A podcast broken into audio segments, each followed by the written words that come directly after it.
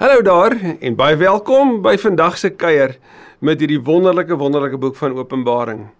Dit bly 'n verstommende oomblik as mens stil staan en net die belewenis wat Johannes moes gehad het. Ek bedoel, daar op Patmos op sy eie het hy hierdie ongelooflike openbaring, hierdie visioene, hierdie belewenis vol kleur en klank ag en al die dinge wat ons tot nou toe met mekaar kon bespreek en kon deel. Dalk val jy vandag by ons in. Ons wil vir jou sê baie baie welkom. En as jy gaan terugbeweeg en na die vorige stukke gaan kyk, sal jy sien dat elke keer is daar hierdie uitnodiging as jy die notas wil hê, dan stuur ek dit vir jou. Dis vandag ook so. Hier's regtig tonne ekstra materiaal, stof wat jy kan gaan lees en gaan gaan bestudeer wat ek met die grootste graagte vir jou wil gee dit met jou deel en vir jou sê maar as dit vir jou iets beteken en jy wil dit weer aangee, asseblief doen so. Neem die vrymoedigheid en laat weet vir ons soos wat 'n klomp van julle ook doen wat hierdie vir jou beteken en waar jy op jou lewensreis of selfs in die wêreld is en hoe God hier hiermee jou ook kom ontmoet want dit inspireer ons weer om te doen wat ons doen. Weet asseblief dat ons vir vandag gebid het. Ons het vir jou gebid vir jou wat hierna kyk. Miskien kyk jy nie eers hierna in hierdie tyd nou nie, in hierdie tyd geleef nie. Miskien is dit jare later. Maar weet asseblief dat ons weet dat die Here wat sy kerk in sy hand vashou, is die Here wat jou ook vashou op 'n dag soos hierdie. Miskien het jy nodig om dit vandag te weet. Kom ons bid saam. Dankie Vader dat ons kan weet dat as kinders van 'n liefdevolle Vader deel ons in die familie van alle tye Die familie wat beleef en bely dat U goed is en goed is sonder end, dat U heilig is en dat U getrou is. Ons wil in besonder aan U getrouheid vashou vandag. Die getroue Here wat wat die ganse kerk van alle tye in sy hande vashou te midde van die storms, te midde van die onsekerheid, te midde van hartseer, ook in 'n oomblik soos hierdie. Here, ons het U lief. Ons verlang daarna om saam met U te wees en vir altyd die wonderlike, wonderlike ervarings te beleef waarvan Johannes dit vir ons beskryf. Maar terwyl ons hier is, soos wat Paulus sê daar in Filippense 1, terwyl ons nog 'n geleentheid het hierdie kant, mag ons dit gebruik om ander te inspireer en geïnspireerd te wees deur U. Doen dit asseblief daarom ook vandag. Ek bid dit in Jesus se naam. Amen. Wat jou vinnig terug op 'n voelvlug wat ons reis tot op Here is. Openbaring 1 vertel vir ons wie Jesus is, hoe groot en rein hy is en dat hierdie van hom afkom. Hoofstuk 2 en 3 die briewe na die universele kerk, die sewe gemeentes wat eintlik ook vir jou en my dan daarin insluit. En elkeen 'n unieke boodskap, maar ook 'n universele boodskap. Hoofstuk 4 en 5 vertel vir ons van God wat op die troon is. Hy's heilig, hy's rein, hy's soewerein. Dis kleurvol, dis magtig, dis klankvol. En ja, ons het in hoofstuk 5 gesien, daar's ook reuke dat die gebede van gelowiges soos wierook voor die troon is. Ons sien in hoofstuk 5 dat daar 'n lam is. Hierdie lam is die leeu, die stam van Juda. Ons sien daar's 'n boekrol wat God se oordeelsaankondiging gaan aankondig en hierdie boekrol word vir Jesus gegee. En vir die eerste keer en die enigste keer in die Nuwe Testament word Jesus as regter geskets. Hy staan langs die Vader en hy gaan die oordeel uitvel. En vandag hoor ons op die rig van wat ons verlede week gehoor het in hoofstuk 6 wanneer hy begin wanneer hy eerste 4 seels oopbreek en jy hoor hoorie maar hier's vier perde wat uitgaan. Die een staan vir propaganda, die ander een vir oor, oorlog. Dis die wit vir propaganda, die vier rooi vir oorlog, die swart vir vir armoede, hongersnood en inflasie en dan die val grys vir die dood. Na dit het ons gelees van die van die vyfde seël wat gaan oor die gelowiges wat gemartel word en die martelare wat reeds gesterf het wat in die hemel vir die Here vra maar hoe lank nog? En hoe God aankondig nog net 'n klein rukkie. Hierdie martelaar op aarde wat natuurlik die kerk wat vervolg word eh, weet eh, verteenwoordig word aangemoedig om vas te byt want hulle het lees dat daar vir hulle gesê word nog net 'n klein rukkie. En dan die 6de seël wat wat eintlik so dramaties is, wat vertel van 'n aardbewing. Wat vertel van die mense van die wêreld, die rykes en die armes, wat vlug na die berge en die eilande toe en dat die berge en die eilande nie die plek sal wees waar hulle kan wegkruip nie. Ek bedoel waar hulle sal skree, hierdie plekke van aanbidding wat vir die Jode Sinaï sou wees en vir die Grieke sou dit Berg Olympus wees, waar hulle skree maar bedek ons en val op ons. Dat selfs dit hulle nie kan beskerm wanneer die toren van God oor hulle kom nie wanneer die oordeel gevel word nie. En die vraag in hoofstuk 6 eindig met: "Maar wie gaan dan kan staande bly?" En dan is daar 'n tussenpose wat ons vandag van gaan lees. Daar's nie die oordeel wat ons verder gaan lees van hoofstuk 8 nie. Daar's amper so 'n oomblik waarin daar beide vir die kerk wat op aarde is, die eerste 8 verse van hoofstuk 7, en vir die kerk wat in die hemel is van vers 9, 'n bemoedigende boodskap is. Waarin die Here iets wil kom sê vir vir die kerk van alle tye oor wie hy is, oor wie sin hulle is en dan vir die kerk wat nog op aarde is, hoe hulle bemoedig kan word juis ook daardeur. So in hierdie tussenpoos en hierdie afwagting vir hierdie sewende seël, hierdie groot aankondiging van die finale oordeel, het Johannes so 'n asembreek as dit ware wanneer hy die volgende beleef. Daarna het ek vier engele by die vier hoeke van die aarde sien staan. Hulle het die vier winde van die aarde vasgehou sodat daar geen wind op die land en op die see en teen enige boom sou waai nie. So hy beleef hierdie vier winde, hierdie vier engele en jy sien die die speling van vier. Nou, jy weet ons nou al dat Openbaring is is apokaliptiese materiaal en dat getalle het simboliese waarde. Ons het in hierdie tyd mos nou al gesien dat 7 die getal van volledigheid is, maar is ook die getal wat God verteenwoordig. Die getal 4 verteenwoordig die skepping. Onthou jy die vier lewende wesens wat voor die troon verskyn? Wat natuurlik die magdiere, die wilde diere, die mense en die voëls in die lug verteenwoordig die ganse skepping wat voor God is. Nou het ons vier windrigtinge. So daar word die heeltyd oor die skepping gepraat. So dit kom sê iets van hierdie toneel wat Johannes hier beskryf, is dit wat op aarde gebeur. Met ander woorde, ons het mos nog gesê hy beweeg tussen hierdie twee ruimtes en nou is ons op aarde en en hierdie engele hou die winde vas. Met ander woorde, daar's stilte op die aarde. Daar's geen beweging van wind hoegenaamd nie. Ek het ook 'n ander engel van die ooste af sien kom met die seël van die lewende God. Nou sien ons dat hierdie engel kry 'n seelring.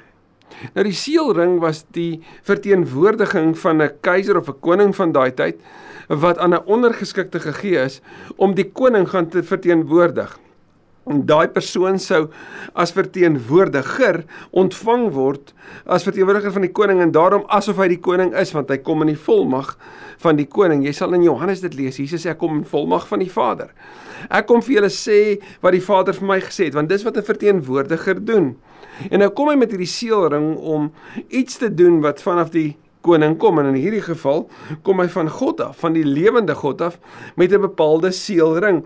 Hy kom iets bekragtig. Hy kom 'n koninklike kenteken neersit wat sê maar hierdie kom van die koning af. So hier sien hy dit.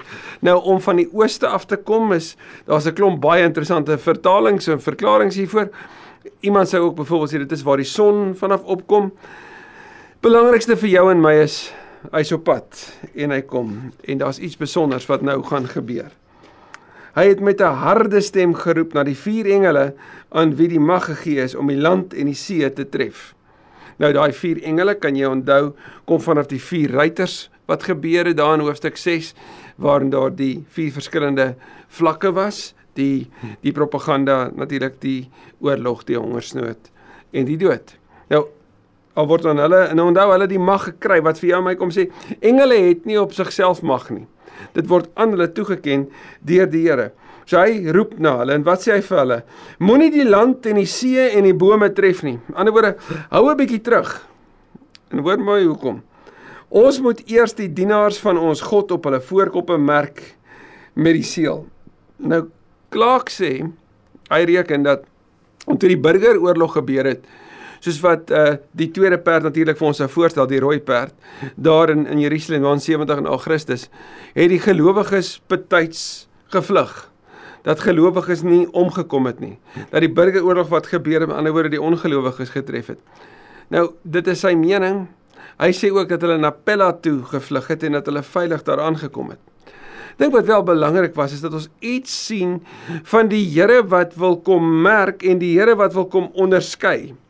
Want sien wanneer jy die merkteken gekry het in die tyd van die Bybel, dan het jy dit, dit jou verseker onderskei van ander. Byvoorbeeld, jy sou as 'n soldaat gemerk kon wees. So jy se oorlog toe gegaan het met die merk of op jou voorkop of veral dan op jou hand wat iets kom vertel van dis wat ek deelneem. Miskien sou dit ons help al die Olimpiese atlete het gewoonlik so 'n merk van die Olimpiese sirkels op eers op hulle liggaam en hulle wys dit en hulle kom sê amper iets van ek is 'n trotse deelnemer en ek is deel van 'n baie elite groep. Wel so was dit ook gewees as jy 'n soldaat was en in die weermag was en jy was so uitgeken gewees. Maar jy sou ook uitgeken kon word as 'n slaaf. Hoewel al nie baie vertel word van slawe wat merke op hulle kop sou hê nie, kan ek en jy weet dat as jy 'n slaaf was en jy sou 'n merk op jou kop hê, sou jy nêrens kon vlug nie want almal sou kon sien aan wie jy behoort. Nou hier is die belangrike. Vir gelowiges wat op aarde is wat tye van vervolging beleef. Hoor mooi wat kom sê hierdie vir hulle. Onthou jou identiteit. Onthou nie net wie jy is nie, maar eerder wie sin jy is. Goed. So hier's 'n merk wat moet gebeur. Die Here sê hy moet eers hierdie merk op hulle voorkoppe sit. So hy moet hulle eers as dit ware afsonder. Nou jy gaan verseker meer hiervan lees in Esegiel 9 vers 4. En gaan doen dit gerus wanneer jy sien dat God iets kom vertel van van wat hy doen voor vervolging tref. Vers 4. Ek het die getal gehoor van die wat gemerk is. En hoor mooi, daar was 144000. En nou praat ons van die kerk op aarde. Nou wat sou 144000 simboliseer? Wel, natuurlik 12 volledigheid maal 12, dubbel volledigheid maal 10 volledigheid maal 10 volledigheid maal 10. So dit is die volledige kerk op aarde en dis simboliese waarde. Dis nie die presiese getal wat jy kan gaan tel nie, maar die simboliese waarde van die 144000. Iemand sou hulle beskryf Jan Dirand as die heilige weermag. God se heilige weermag. En hoor hoe word hulle beskryf? Uit die stam Juda is daar 12000 gemerk, uit die stam Reuben 12000 en natuurlik gaan hy so aan. Maar maar let mooi, Juda word hierdie keer voor Reuben genoem. Hoekom? Reuben was dan die oudste. Maar jy sien die leeu kom uit die stam Juda. Daarom moet Juda eers genoem word. Hy's die leeu uit die stam van Juda. En Juda was die stam in die suidryk wat vasgebyt het tot aan die einde toe wat na die Babiloniese ballingskap nog steeds volhard het in hulle geloof in Jahwe. Het dit nog steeds uitgeleef en natuurlik Dapel koning Dawid kom uit die stam van Juda. Salomo kom uit die stam van Juda, maar bo alles Jesus, die leeu uit die stam van Juda, kom uit die stam van Juda en daarom is Juda ook eerste. En dan lees ons verder, ons sien uit Reuben en dan uit Asser en Naphtali en dan uit die stam Manasse 12000. Nou as ek en jy gaan kyk na die oorspronklike stamme, die lys van stamme, dan is Manasse nie daar nie. Dan moet die woord dan daar staan. Maar jy sien die stam dan sou later bekend wees vir afgoderry. So dan hoort hulle mos nie in hierdie lys nie. So daar's 'n nuwe 'n nuwe naam wat hier toegevoeg word en Manasse word hier ingevoeg. Simeon, Levi, Isaskar, Sebulon, Josef, Benjamin. Hoe mooi dat Josef ook genoem word hierin en natuurlik dan Benjamin. So 12 maal 12 10 maal 10 maal 10 144000. Die volledige getal op aarde gemerk vir die Here, afgesonder vir hom. Dat hulle weet wat hulle identiteit is. En dan in hierdie tussentoneel is daar 'n tweede deel van hierdie tussentoneel wat die kerk in die hemel beskryf. Ons sien hierna het ek 'n groot menigte gesien wat niemand kon tel nie. Dis weer daai Griekse woord wat eintlik die die die grootste getal sou wees. Hy sê dit was ontelbaar baie gewees. En nou praat ons van mense, gelowiges, nê, in hierdie menigte. As dit ware die oorwinnaars in die hemel. Hulle was van elke stam, nasie, volk en taal. Nou dis wat God mos bedoel het in Genesis 12 toe hy vir Abraham uitgestuur het om 'n lig vir die nasies te wees. En nou vanaf die ganse wêreld is die oorwinnaars in die hemel. En hulle het voor die troon en voor die lam gestaan in hoofstuk 4, 5 en 6 vertel ons vir ons iets van hierdie nabyheid van van die lam en die troon. Hulle het wit klere aangetree. Hoofstuk 6 het vir ons vertel dat hierdie wit klere kom verwys na na die gelowiges wat vasgebyt het, die martelare wat aan die einde vasgebyt het. Hierdie hierdie reinheid en oorwinning En ja, jy sê ook ons sê iets wat vertel van hulle is reg vir 'n huwelik. Hulle weet vir vir vir 'n bruilofsfees. So hulle dit aangegaan en daar was palmtakke in hulle hande. Nou die palmtakke is verteenwoordiging van die triomftog. Gaan lees gerus Levitikus 23 en Numeri ag ja Nehemia 8 en ons gaan meer sien van palmtakke is 'n teken van oorwinning. Daarom wanneer Jesus ingelei word met op Palm Sondag dan is dit juis met palmtakke. En word daar gesing Hosanna. Hosanna vir hierdie koning, die seun van Dawid, uit die stam Juda wat kom. So daar's 'n triomf wat gebeur het in die hemel. En hulle het hard uitgeroep. Ons redding kom van ons God. Hoor mooi. Ons red nie onsself nie. Ons het dit nie self behaal nie. Ons het dit nie self verwerf nie. Ons ontvang dit. Hy is die gewer. Maar as daar redding van hom afkom, dan is ons ook mense wat kan oorwin want hy het ons gered. Romeine 8 noem ons meer as oorwinnaars. Hy sê dit kom van ons God wat op die troon sit en van die lam. Hulle is altyd by mekaar. Al die engele het rondom die troon, die ouderlinge en die vier lewende wesens gestaan. En dit is mos die toneel wat hy vir ons beskryf dan hoofstuk 4 en hoofstuk 5. Die volledige kerk om die troon, die ganse skepping verteenwoordig deur die vier lewende wesens en al die engele, die die duisende der duisende, ja miljoene der miljoene op hierdie 28 kwartet, nê, nee, of 28 groote groote lofprysingsspan as jy wil. Elkeen met 'n siter in die hand. Dis mos wat hy beleef het. So al die engele het rondom hulle gaan staan en hulle toe voor die troon gekniel met hulle gesigte op die grond. Dis 'n teken van ware aanbidding, ware nederigheid, ware erkenning van eer en en hoor mooi, wat oor die kerk wat besig is om te lei wat ons in hoofstuk 6 van gelees het? 1. Julle is gemerk. Wat hoor hulle in hoofstuk 7 se tweede deel? Onthou julle is deel van die ewige kerk en in die hemel gaan julle voor die lam kan buig wat reeds oorwin het. So julle is deel van 'n oorlog waarvan die oorwinning klaar bekend is. Hulle gesigte op die grond uh, geval en God aanbid. En wat het hulle gesê? Amen. Aan die woorde laat dit so wees. Die lof en die heerlikheid, die wysheid, die dank en die eer, die mag en die sterkte behoort aan ons God tot in alle ewigheid.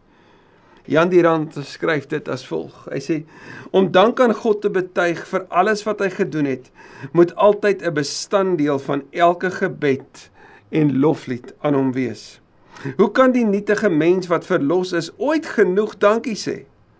Om saam met God terug te kyk op die pad wat hy met die sondige mens geloop het, is 'n louter skouspel vanaf die eerste paradys tot by die nuwe paradys van sy verlossing en 'n ewige volmaakte hoogtepunt van die lam is dit presies dit.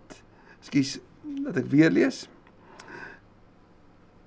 Om saam met uh, vanaf die eerste paradys tot by die nuwe paradys van sy verlossing en 'n ewige volmaakte saamwees met God sien ons laagtepunte aan die mensekant, maar genadiglik ook die hoogtepunte van God en van die lam 'n louter skouspel hulle wat nie verdien het om gered te word nie wat gesê het maar ek glo Ek glo Jesus het vir my sonde betaal. Ek glo dit is waar. Ek glo in die woord van God. Ek glo in die getuienis van die lam en ek gaan dit nie los nie. Ek gaan dit nie prysgee vir enigiets anders nie. Hulle beleef hierdie heerlikheid en hulle kan sing van lof en heerlikheid, wysheid, dank en eer, mag en sterkte. Een van die ouderlinge vra my toe: Hierdie mense met die wit klere aan, wie is hulle en waar kom hulle vandaan? Nou hierdie vraag van die ouderling sal natuurlik by die lesers van hierdie teks 'n bepaalde nuuskierigheid wakker maak, want hulle sê ook sê, "Ja, wie is hulle?" En dit natuurlik neem Johannes na na 'n volgende vlak toe, want wat sê Johannes wanneer hy in hierdie toneel is en hy neem deel, nê? Hy sê, "Ek weet nie, meneer, maar u weet." En hier is dit nou. Hy sê toe vir my, "Dit is die wat uit die groot verdrukking kom." Hulle het hulle klere gewas en dit wit gemaak in die bloed van die lam. Nou hierdie groot verdrukking gaan jy meer van kan lees in Daniël 12 vers 1 wat dit beskryf as 'n swaar tyd. Wat 'n verdrukking sou hierdie mense beleef? Verdrukking ekonomies omdat hulle vasgehou het in hulle belydenis dat Jesus die Here is en daarom dat Caesar nie is nie. Daarom dat die afgode van elke tekstielnywerheid wat daar was waarvan hulle hulle inkomste sou kry as hulle daar sou gewerk het, maar dan ook 'n afgod moes aanbid, gemaak het hulle hulle werke verloor het. So hulle is weg daarvan af, so dat die ekonomiese verdrukking beleef. Sosiale verdrukking, verwerp by die samelewing. Fisiese verdrukking omdat hulle vervolg is en hulle lewe gegee het. Ons het dit verlede week gesien in hoofstuk 6. Hulle het letterlik gesterf omdat hulle aan die getuienis van Christus vasgehou het. So mense wat intens verdruk is. Anders sou sê, hulle wat die verdrukking van dwaaling moes moes deurleef. Hulle wat propaganda moes beleef en deurleef. Hulle wat versoekings moes weerstaan, nê? Nee? en en en in die intensiteit en die loutering van van die gelowige smeltkroes moes deurgaan. Hulle wat dit beleef het. Dit is hulle. En wat word van hulle vertel? Hulle klere is wit gewas. Dis hoekom hulle wit klere aan het. Maar is interessant, hoe is hulle wit gewas? Met die nuutste oumou? Nee, met die bloed van die lam. En die ironie hiervan is dat bloed sal wit klere vir altyd vlek. Nou sien ons dat bloed die vlekke uithaal. Bloed haal die vlekskande van sonde van jou en my lewe af. Skoon gewas. Gaan lees baie gerus 1 Johannes 1 vers 8 en 9 wat vertel van reinheid wat gebeur wanneer ons ons sonde bely. Skoon gewas deur die bloed van die lam. Daarom is hulle voor die troon van God. sien, hulle is nie daarom dat hulle dit verdien het nie. Hulle is daarom dat daar iets met hulle gebeur het. Hulle is skoon gewas. Hulle is rein op grond van wat God gedoen het. En hulle dien hom dag en nag in sy tempel.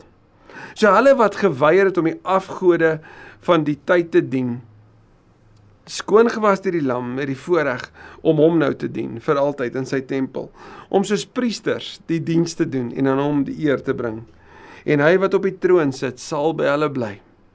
Wat 'n gerusstellende boodskap vir die lesers en vir die hoorders hiervan, vir hulle wat regtig in die intense tyd van van verdrukking hierna moet luister om te sê Maar weet jy wat, nie net gaan ons in die hemel wees nie, nie net gaan ons dit alles ervaar nie, nie net gaan ons kan lof bring nie, nie net gaan ons voor God kan buig nie, Hy gaan by ons wees. En die woord hy sal by by hulle bly in die Grieks verwys na die tabernakel. Hy sal letterlik by hulle kom tent opslaan. Dis wat Johannes 1 kom sê. Hy het onder ons kom woon, hy het onder ons kom tent opslaan. Openbaring 21 vertel meer hiervan hoe hy afkom en tussen sy mense kom wees. Dis soos in Genesis wanneer die Here tussen sy mense wandel. sien ons in Openbaring die toneel. Hy sal by hulle bly. Hulle sal nie meer honger en nie meer dors kry nie en dis natuurlik die huidige realiteit van die gelowiges van daai tyd. Die son sal hulle nie brand nie natuurlik want daar's nie 'n son nodig nie. En 'n hittegloed ook nie. Woestynmense ken hierdie taal. Want en hier's die rede. Die lam wat in die middel van die troon is, sal hulle herder wees. Die herder bring 'n nuwe realiteit na vore. Hy gaan voorstap. En hulle na die fonteine met die water van die lewe lei en ek hoor jy hoor nou Psalm 23 hierin nê en God sal al die trane van hulle oë afdroog. Trane van hartseer trane van verdrukking trane wat soms geuiter word in die middel van die nag wat sê Here ek kan nie meer nie Here ek weet nie hoe byt ek vas nie Here ek weet nie om môre in die oë te kyk nie hoor mooi Jy's deel van die familie van alle tye. Ook jou klere is gewas in die bloed van die lam. Jy kan vlekkeloos voor hom staan. Hy gaan by jou wees. Hy gaan die oorwinning vir jou aankondig. Die einde gaan kom. Die herder gaan jou deurlei en waarheen jy gaan is 'n vreugdesplek waarin daar nie meer trane is nie. Maar hoor mooi hierdie tere oomblik. En hy sal die trane afdroog. Dit beteken nie hy gaan op 'n afstand staan en 'n masjien aansit wat lig gaan blaas en skielik is dit droog nie. Nee, hy kom teer naby en dis nie mooi van wat ons van ons Here weet. Hy is so lief vir jou en my dat hy naby kom om skoon te was en naby kom om trane af te droog. Want hy lei ons na die fonteine van water waar daar lewe is. Dis waarmee Openbaring 22 eindig. Dis wat die vrou, die Samaritaanse vrou by die put in Johannes 4 hoor. Dis vir jou en my ook waar in 'n wêreld vol woestynsand en droogte is daar hierdie putte van lewende water. Mag vandag een so een vir jou wees. Amen. Kom ons bid.